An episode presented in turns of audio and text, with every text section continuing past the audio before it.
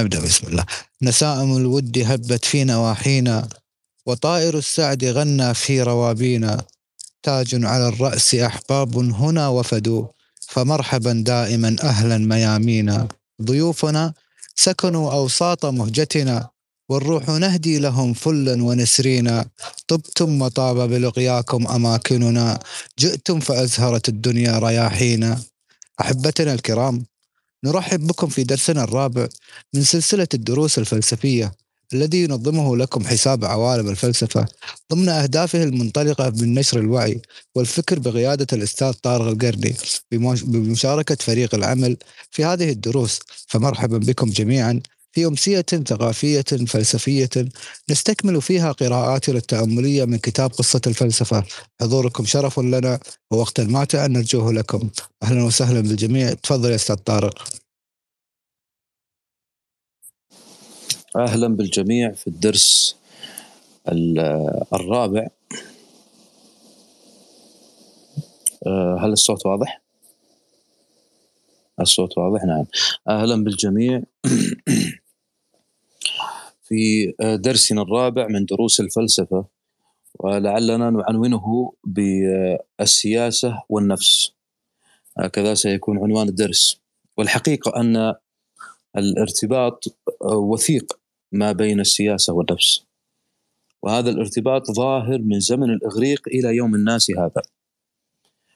ولعل الاطلاع على علم النفس السياسي في زماننا يوضح هذا الأمر ويجليه.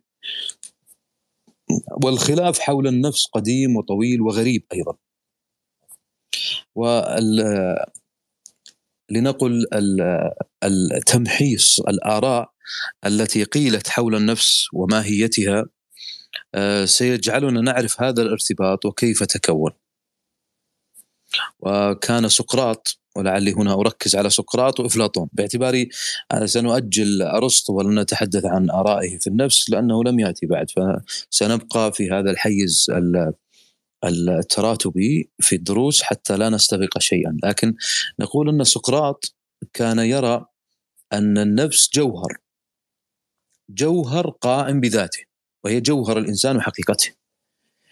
وبما أننا نتحدث عن الحقيقة فنحن نتحدث عن الأمر الأولي الذي من خلاله يستطيع الإنسان أن يقوم بغيره، يعني بمعنى سقراط كما نعلم كان يهتم بالمفاهيم الكلية ومعنى ذلك أننا نحتاج حتى نفهم المفاهيم الكلية أن نحتاج ما أن نحتاج إلى معرفة ما هو الجوهر. هذه التراتبية ستجعلنا نصل إلى فكرة مهمة. إذا عرفنا حقيقة الإنسان فنحن نستطيع أن نعرف الكليات التي تسيطر على مفاهيم الإنسان. والآن عنده هذا المشروع ولهذا فهم النسق لابد أن يكون بهذا الشكل. أنت حتى آه، تستطيع أن تصل إلى الكليات هذا بلغة سقراط الآن. لابد من معرفة جوهر الإنسان. باعتبار أن سقراط عاش في بيئة بيئة مختلفة الثقافات. وبطبيعة الحال أنها ثقافات من بيئات مختلفة. تجمعت كلها تجمعا تجاريا. يعني نستطيع أن نقول أن أثينا في ذلك الوقت مثل نيويورك الآن. فكانت عاصمة أو كانت مكانا لاجتماع هذه الثقافات المختلفة. فلا بد من مفهوم واحد يؤسس لهؤلاء كلهم بنية مشتركة. هذه البنية لنقل أنها هي المفهوم الكلي. الذي من خلاله ستأتي بعد ذلك الدساتير والقوانين والأعراف. الآن حتى نعرف هذه الكليات لا بد من معرفة ما هو جوهر الإنسان. المشكلة هنا أن الإنسان كما قلنا هو آتي من بيئات مختلفة ومن ثقافات مختلفة فسيكون صعبا صعب علينا أن نصل إلى جوهر كل أحد. لكن ما هو هذا التحدي الحقيقي الآن للفلسفة. كيف أستطيع أن أعرف الجوهر الذي يجمع كل هؤلاء؟ فمعرفة الجوهر هنا ليست ترفا هي أساس من أجل النسق. يعني أعرف هذا يعني لا يستقيم هذا الجزء إلا بهذا الجزء. لا يستقيم الجزء مثلا لو أخذناه باتجاهات لا يستقيم الشمالي إلا بالشرقي والشرقي إلا وهكذا. فكلها شيء واحد. تصبح هنا كأنها جس جسر واحد. فالآن هو كان عنده هذا الأمر أن النفس جوهر قائم بذاته وهي جوهر الإنسان وحقيقته. هذا بالنسبة للنفس. البدن وهنا لابد من التفريق في اللغة الفلسفية الجسم غير الجسد. الجسم غير الجسد. ولعلنا نأتي لهذا لاحقا بالتفصيل لكن مبدئيا لابد أن تفرق. الجسم شيء والجسد شيء آخر مختلف. فنستخدم هنا كلمة البدن للدلالة على الجسم. البدن مجرد آلة آلة لهذا لهذه النفس. لا تتحرر النفس إلا مع لحظة الموت. نحن الآن ما زلنا في في في فكر آه، سقراط. النفس تبقى وكأنها سجينة داخل هذا البدن. البدن آلة لتنفيذ ما تريده النفس. النفس لا يمكن أن تتحرر إلا مع الموت. معنى ذلك أن النفس ستبقى مضطربة طوال حياتها. يعني لا يمكن ابدا هي الآن كأنها مسجونة بداخل هذا البدن. ولن تتحرر الإنسان إذا تحرر ذهب عنه هذا الاضطراب. تجدون أن الإنسان لا ينفعل إلا إذا كان يشعر بأنه مسجون في فكرة معينة أو في موقف، الموقف هنا باعتباره فكرة. فهي لن تتحرر إلا بالموت. طبعا سيأتي بعد ذلك ويطور هذه الفكرة آه نيتش وأيضا سيطورها نفسيا فرويد لاحقا سنأتي لهما. هذه الفكرة الآن هي الآن أشبه ما تكون بالسردية التي تبين لنا هذه النسقية عند سقراط. هو يرى وفق هذا أن معرفة الإنسان لنفسه تصبح الآن ضرورة معرفة الإنسان لنفسه هي المعرفة الحقيقية التي لا بد للإنسان من أن يبذل كل جهده للوصول إلى كنهها. فتصبح المعرفة بالنفس هنا ضرورة. لماذا؟ ليس لتحرر النفس إنما للتخفيف من وطأة هذا السجن الذي تعيش فيه. فكلما كنت قادرا على أن أتحرر من ضغط هذه الأفكار أصبحت متحررا بقدر معرفتي. كلما عرفت كلما خففت الضغط على نفسك. ولعل هذا يأتي من خبرة الإنسان أيضا يعني حتى دون أن يعرف. تجد مثلا من كان في عمر العشرين تجده يعني متحمسا ومنفعلا و... ويطلق الأحكام سريعا ويعني تجد رأيه اليوم هو مخالف لرأيه بالأمس وهكذا. فهو في حالة انفعالية. تناسب هذا العمر الذي هو فيه. بينما كلما تقدم العمر كلما كان أركد وكلما كان بعيدا عن هذه لنقل هذا الصخب المناظرة المجادلة الازدحام هذا كله آه، يعني يأتي للإنسان من خلال خبرته. طبعا هناك من كلما كبر كلما استخف عقله لكن الفكرة هنا بالعموم ليست بالخصوص. فالآن تصبح هنا معرفه الإنسان لنفسه هي المعرفة الحقيقية. هي المعرفة هي مشروع الإنسان الحقيقي. التي من خلالها يستطيع أن يصل إلى جوهره. فإن وصل إلى جوهره وصل إلى المعاني الكلية التي يستطيع من خلالها أن يؤسس حياته. تصبح بهذه الحالة الآن بدأنا هنا في هذه النسقية. لهذا مهم جدا أن تفهم أن المفهوم الذي أسسته أنا وعليه أسير ليس من المفترض أن يكون جمعيا. ليس من المفترض أن يكون موافقا لما يريده غيري. هو مفهومي أنا وعلي سبكه ومسؤوليته.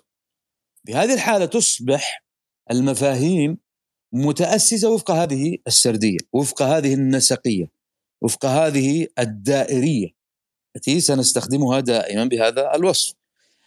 طبعا هناك قد يكون طبعا سقراط لا يخفاكم أنه أهمل كثيرا آه، أهمية معرفة قيمة الجسد. كان يراه لا شيئا طبعا هذه الفكرة تتابعيا. هكذا من باب فتح الباب للتأمل.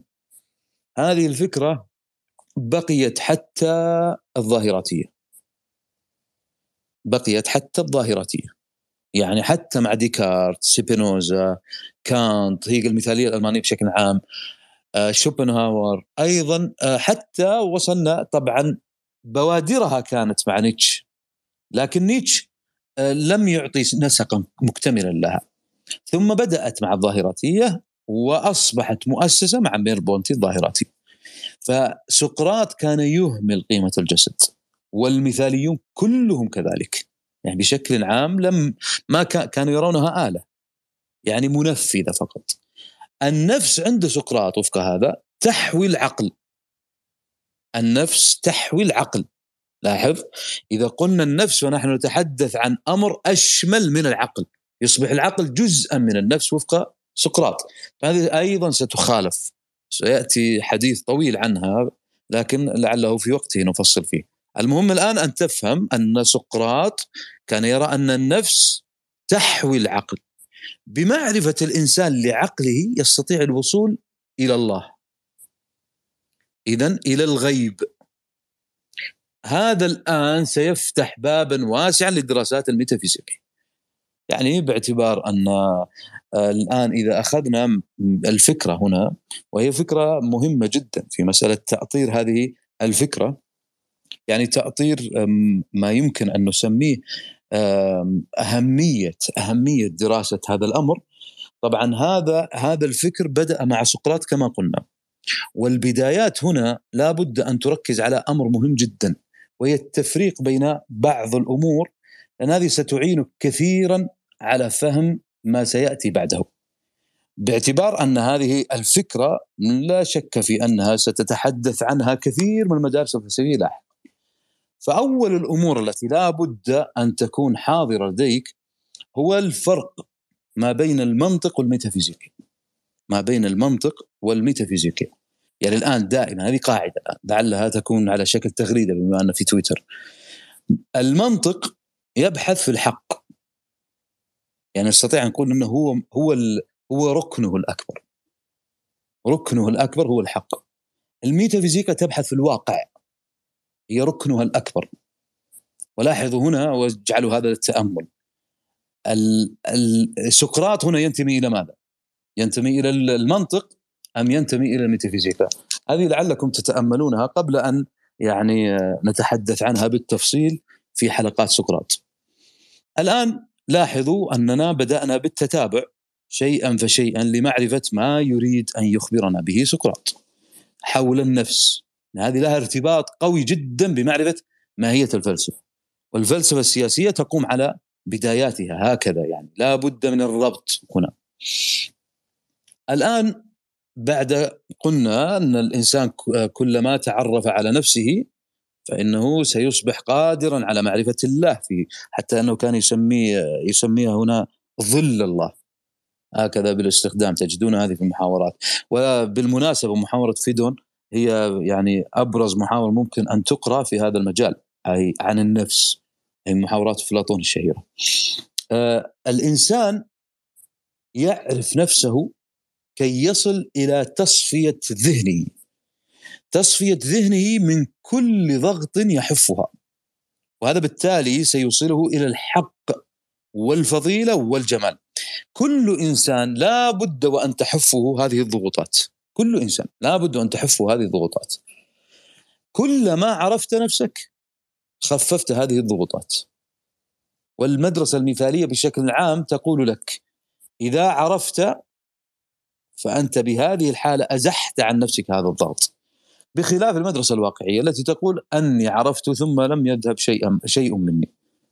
هذا هنا خلاف كبير بينهم لعل هذا أيضا سيؤطره أرسطو ما دمنا في الإغريق وسيؤسس عليه المدرسة الواقعية. لكني هنا أريد أن نبقى في عالم سقراط كثيرا حتى يعني يستبين لنا الموضوع أكثر.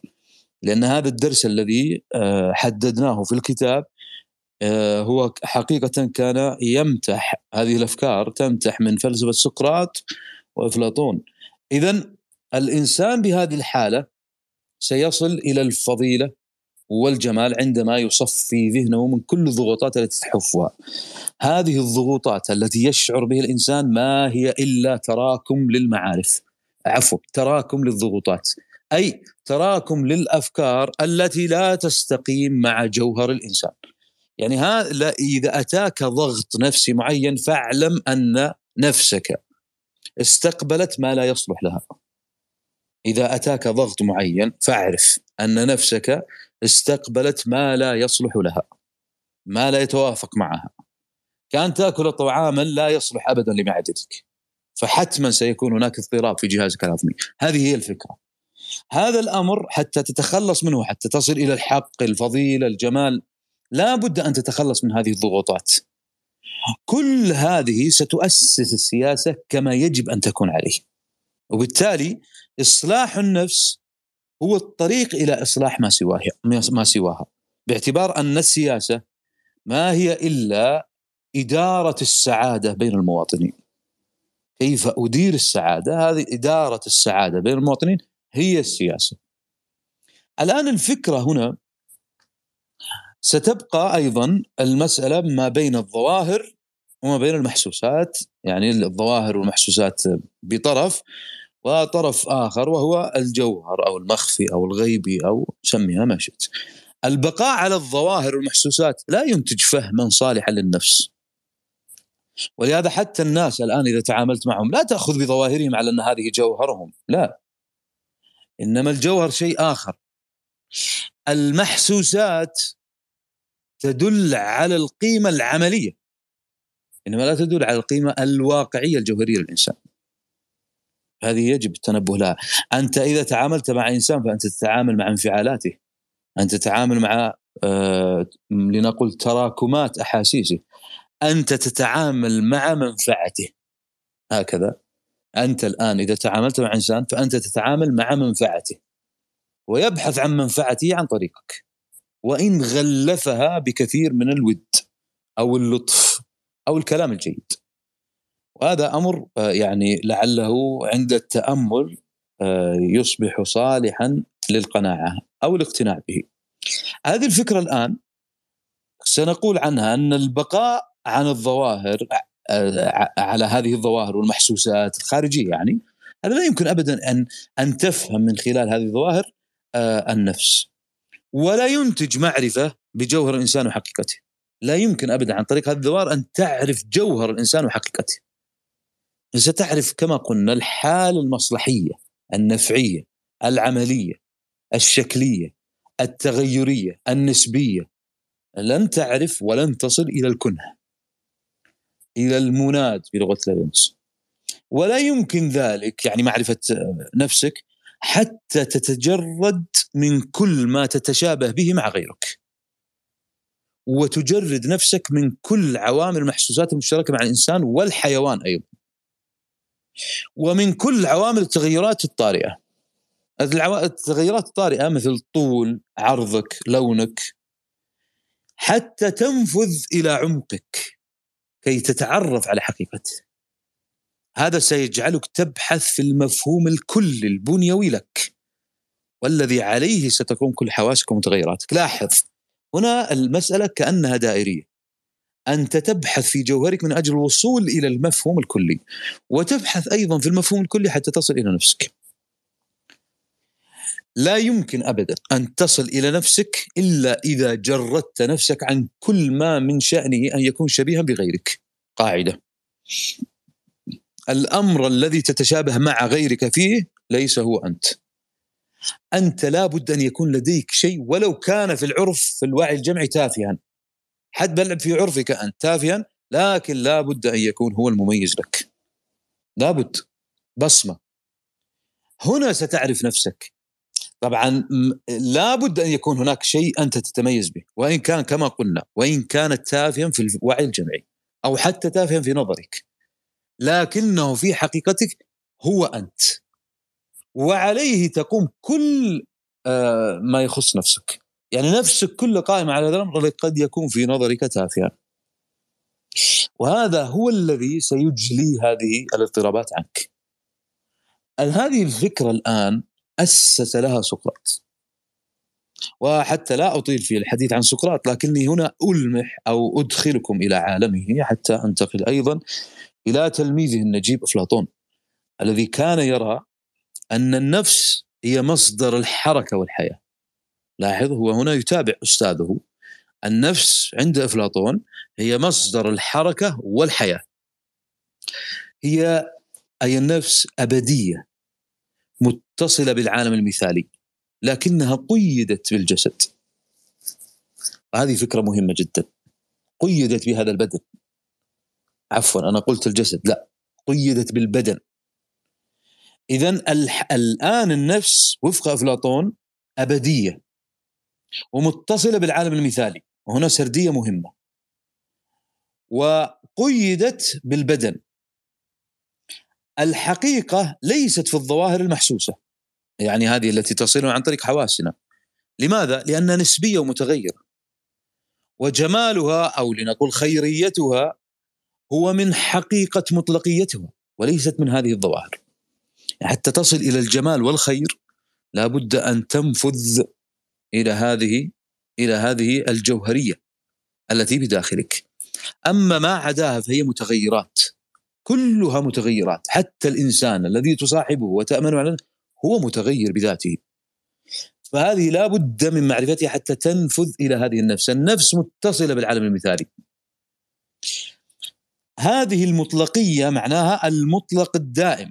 المطلق الدائم هو العقلي الجمالي. ولهذا فإن حقائق المعرفة ليست كما تبدو ظاهرا وإنما في جوهرها المثالي. طبعا هذا هو الفرق الدقيق بين لنقول الظن الظن اللي هو المعرفة الحسية. كل محسوس مظنون أو ظن. كل محسوس ظن. العلم هنا الفرق بين الظن والعلم. العلم هو المعرفة اليقينية التي تدرك الحقائق الأزلية والمثل بطبيعة الحال.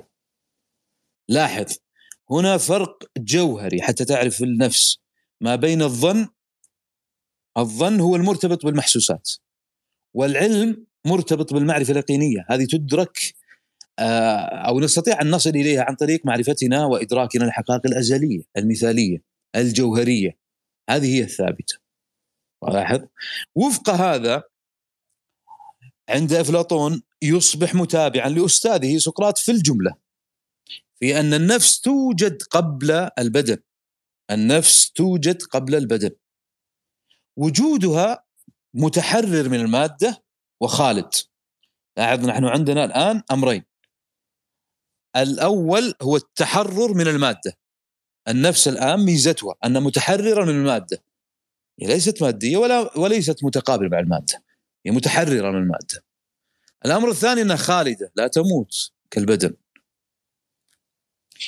بسبب هذين الأمرين يعني تحررها من المادة وخلودها اتصلت بعالم المثل يعني الحقائق المجردة ومعرفتها يعني الآن أصبحت بما أنها ليست مادية وبما أنها خالدة فأصبحت متصلة مباشرة بمن؟ بعالم المثل واضح؟ ثم اضطرت النفس إلى الهبوط إلى الحلول وهذا تجدونه حتى في الفلسفة الإسلامية مع ابن سينا في قصيدته الشهيرة هبطت إليك. هذا من المحل الأرفعي. هذه الفكرة الآن اضطرت النفس لاحظ إلى الهبوط وأيضا أن تحل في هذا البدن. بهذا الح... بما أنها أصبحت حالة في هذا البدن فهي بهذه الحالة فقدت كل ما تعرفه عن عالم المثل وأصبحت تتذكر فقط عالم المثل تتذكره نحن الآن نقوم فقط بتذكر ما كان آه، في عالم المثل هذا في عرف إفلاطون. طبعا هنا سينسفها تماما أرسطو بعد ذلك. وأصبحت النفس بهذه الحالة متصلة بالجزئيات فبدأ الفساد عندها. هنا بدأ الفساد. يعني أصبحت الآن النفس متصلة بهذه الجزئيات باليوميات. وهذا الاتصال هو الذي جعلها تصبح فاسدة. فسادها هو اضطرابها. فساد النفس بسبب اتصالها بالجزئيات هو اضطرابها. وكلما كانت النفس فاسدة كلما اضطربت. وكلما كانت متصلة بالعالم الأول العالم المثالي العالم الجوهري العالم النقي العالم الذي هي منه كلما اتزنت. وهكذا. فتصبح وكأنها معادلة. الآن هنا هذه الفكرة طبعا ستصبح للنفس مهمة. وهي كما قلنا تذكر ما كانت عليه أو رأته في عالم المثل وليس الاختلاط بعالم المحسوسات. لاحظ الفكرة الآن. هذه فكرة مهمة جدا. لماذا؟ حتى تفهم ماهية السياسة في ذلك الوقت. لاحظوا في ذلك الوقت. لماذا هم يولون السياسة أهمية كبيرة؟ لماذا هي هذه الفلسفة نسقية عندهم؟ لماذا هم يرون أن هذه كلها متصلة ببعضها؟ هذا التوسع والاختلاف في ماهية النفس سيؤدي طبعا هذا بطبيعة الحال سيؤثر في الوعي. سيجعله منقسما بين المختلفين بشكل عام. طبعا هذا بدوره سيؤثر أيضا على السلوك الخارجي. وهذا سيؤثر أيضا على السياسة وكيف نفهمها وطريقة تطبيقها على الوجه النافع واللائق والصحيح. لاحظ هذا كله الآن سينتج لدينا أفكار تجعلنا على قدرة كبيرة جدا من معرفة ما الذي يحتاجه الإنسان كي يصل إلى أفضل طريقة ممكنة للمجتمع. كيف من الممكن أن أص... كيف أستطيع أن أصل ما بين النفس والواقع الذي من خلاله من خلال هذا الواقع أستطيع أن أصل إلى طريقة ممكنة للسعادة، السعادة كانت امرا يعني امرا مهما لديهم. النفس بهذه الحالة تصبح جوهرا. هذه الطريقة ستصبح النفس بهذه الحالة جوهر. وتحتاج ضرورة إلى التنفيس. التنفيس عنها باستمرار كي تستقيم صحتها وثباتها وأيضا تبقى قوتها. النفس إذا زادت الضغوطات عليها اضطربت وقلقت وشعرت بالخوف ونقص الأمان. تصبح هذه قاعدة عندهم وهي قاعدة ستبقى مع المثاليين إلى هيجل.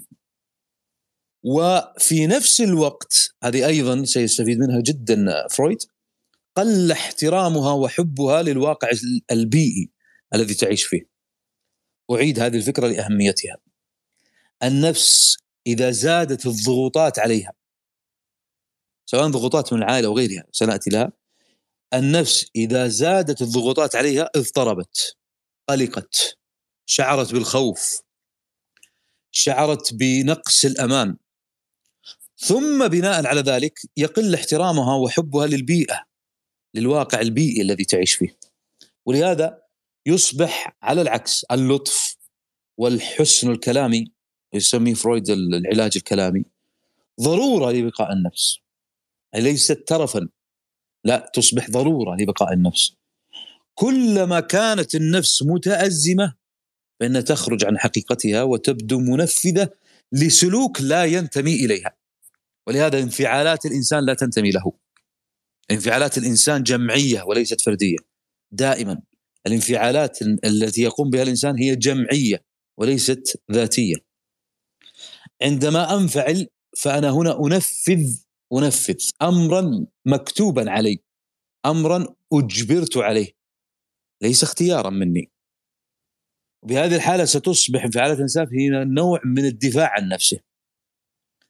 طبعا قد هذا هذا الأمر الآن الذي يبدو كأنه تنفيذ لسلوك غيرك لكن عن طريق بدنك ينقل الإنسان بهذه الحالة هذا الشعور من حالة الاضطراب مع المحيط القريب لنقول الأهل الوالدين تحديدا إلى حالة المجتمع. يعني لا أستطيع مثلا أن أمارس الرد على والدي والدتي فأنقل هذا الشعور أكبته حتى أصل به إلى المجتمع. فأنا هنا عندما أنفعل على المجتمع في في الحقيقة في الحقيقة أنا منفعل على والدي وليس على المجتمع. لكن لا أستطيع أن أواجه والدي. حتى وإن كان ضعيفا جسديا. لكن أصبح بيني وبينه حاجز نفسي لا أستطيع أن أخذ حقي منه. فأنفعل على المجتمع وفي الحقيقة أنا منفعل على والدي أو والدتي أو أهلي. وهنا ستبدأ الأزمة تكبر أكثر. وسيصبح ما تراه من عنف في المجتمع هو في الحقيقة عنف داخل الأسرة لكنه انتقل إلى خارجها وهذا لعله يعني لعلكم ترون هذا في مدرسة فرانكفورت التي حاولت أن تدرس مع أدورنو تحديدا حاولت أن تدرس لماذا قامت الف... ال... هذه الكوارث لنقل التي حدثت في الحرب العالمية الثانية سواء من النازية أو الفاشية أو غيرها. فالفكرة هنا لاحظوا يعني قد تجد وفق النفس وهذه تمتح من سقراط وافلاطون من نفس الفترة التي نحن ندرس آه ندرسها. أن أن الانفعال الاجتماعي لنقل مثلا حتى في عالم تويتر بما أننا في تويتر. هذا الانفعال الذي تراه في تويتر هو في فعليا انفعال في الأسرة لكنه انتقل إلى العالم الآخر. عالم أستطيع من خلاله أن أنفذ له أن آه أن أحرر نفسي من هذه الضغوطات عن طريقها. فالحقيقة هو لماذا؟ لأن هناك حاجز يمنعني. مثل تماما فلان الذي كان مثلا يضربني وأنا صغير. أكبر وأنا لا أستطيع أن أمد يدي عليه حتى وإن أصبحت أقوى رجل في العالم. لكن ثمة شيء يربط يدي. هذا هو ما هو هذا الشيء؟ هو العامل النفسي. الحديث عن هذا يطول لكن هذه الفكرة الآن تأسيسية. الآن ينتقل هذا الشعور كما قلنا من هذا هذه الحالة إلى الوالد الأهل المجتمع القريب إلى حالة المجتمع. أو لنقل إلى أي مخالف لقناعات المضطرب. لاحظ هنا تتوسع أكثر. هذه التوسع أكبر. يعني الآن ليس فقط على على من لا على ليس فقط على فئة معينة لا على كل من يخالفني. أنا هنا أتفاعل مع هذا المخالف لي لأن هناك بنية مضطربة. البنية المضطربة هذه إذا صلحت صلح هذا. ولا تجد بعضهم يكون بينه وبين فلان مثلا مشكلة. نقول مشكلة عائلية. تجد عند تحليل الخطاب أن حتى تغريداتي تأثرت. لغته تأثرت. فإذا أصلح البنية المشكلة اللي عنده تجده يأتي ويعتذر أو حتى يعني يتكلم بطريقة مختلفة. ولهذا من كان في تحليل الخطاب وعملهم يعني أحيانا يأخذ دور الجاسوس. من الممكن أن يعرف حالة النفس هنا هي كيف تكون. يعني تقيس حالة النفس من خلال الكتابه هذه أيضا بزغ نورها كفكرة من هذه التي قلنا عنها أن هذه سقراط وإفلاطون أيضا. طبعا هذا يسمى في علم النفس مقياس اف يعني هكذا كمعلومة لمن أراد أن يتوسع فيها. اذا هنا ينتقل الاضطراب من الفرد إلى المجتمع. هذه كلها هي التي نستطيع أن نقول انها الرابطة الأولى بين الحالة النفسية والحالة السياسية لاحظوا كل ما سبق الآن هو رابطة أولى ما بين الحالة النفسية والحالة السياسية. ولعلي هنا أسأل سؤالا للتأمل وأطلب منكم آه، أن تكتبوا عنه مقالا وهو الآن عندنا بنى تراتبية ترتيبية بنى ترتيبية آه، بنى الترتيبية يعني العائلة، المدرسة، الجامعة، العمل، ترتيبية هكذا بنى لكنها بالترتيب تبدأ عائلة ثم مدرسة كل الجامعة آه، عمل وهكذا. هذه البنى الترتيبية تؤدي بنفس الإنسان هذا في علم النفس التطوري تؤدي بنفس الإنسان إلى التطور نحو الطاعة العمياء. لاحظ تأمل هذه البنى الترتيبية. اللي هي ما هي البنى الترتيبية؟ هي العائلة، المدرسة، الجامعة، العمل، الترتيبية هذه تراتبيه. هذه البنى تؤدي بنفس الإنسان إلى أمر دقيق جدا وهو تطوري طبعا يتطور الطاعة العمياء أنا أريد أن تكتب عنها مقالا هذه الفكرة أن البنى الترتيبية تؤدي إلى الطاعة العمياء. كيف؟ وضح هذا يعني. بلغة يعني كما نقول دائما لغة فلسفية ولكن بشرط ألا تخرج عن أدوات سقراط وأفلاطون. يعني لا تأتي بفكرة قال بها حتى أرسطو. فضلا عن من بعده طبعا. فقط سقراط وأرسطو. وفق ما قلناه سابقا. الآن قبل قليل وضحت ما معنى ما هي النفس وما هي ما هي النفس عند سقراط وأفلاطون. زائد ما هو الرابط بين النفس والسياسة عندهما. أنا أريد أن تتحدث عن هذا التساؤل الذي طرحته وفق سقراط وأفلاطون. وطبعا برؤيتك أنت. يعني تفهم الآن قوله آه، يعني أقوالهم في النفس وأيضا في الرابط بينها وبين السياسة. ثم هذه البنى التراتبية تحاول من خلالها أنت أن تسبك يعني لنقول فلسفتك الشخصية فيما يعني يقارب من 300 كلمة وبعدها ترسلها طبعا ستكون على الثلاثاء القادم آخر موعد. أرجو أن يكون فيما قلته مقدمة جيدة لدرسنا اليوم وهي الرابط ما بين السياسة والنفس عند سقراط وأفلاطون تحديدا قبل الانتقال والازدلاف إلى فلسفة أرسطو. آه، أستمع منكم كالعادة كي أتعلم منكم، شكرا لكم. you.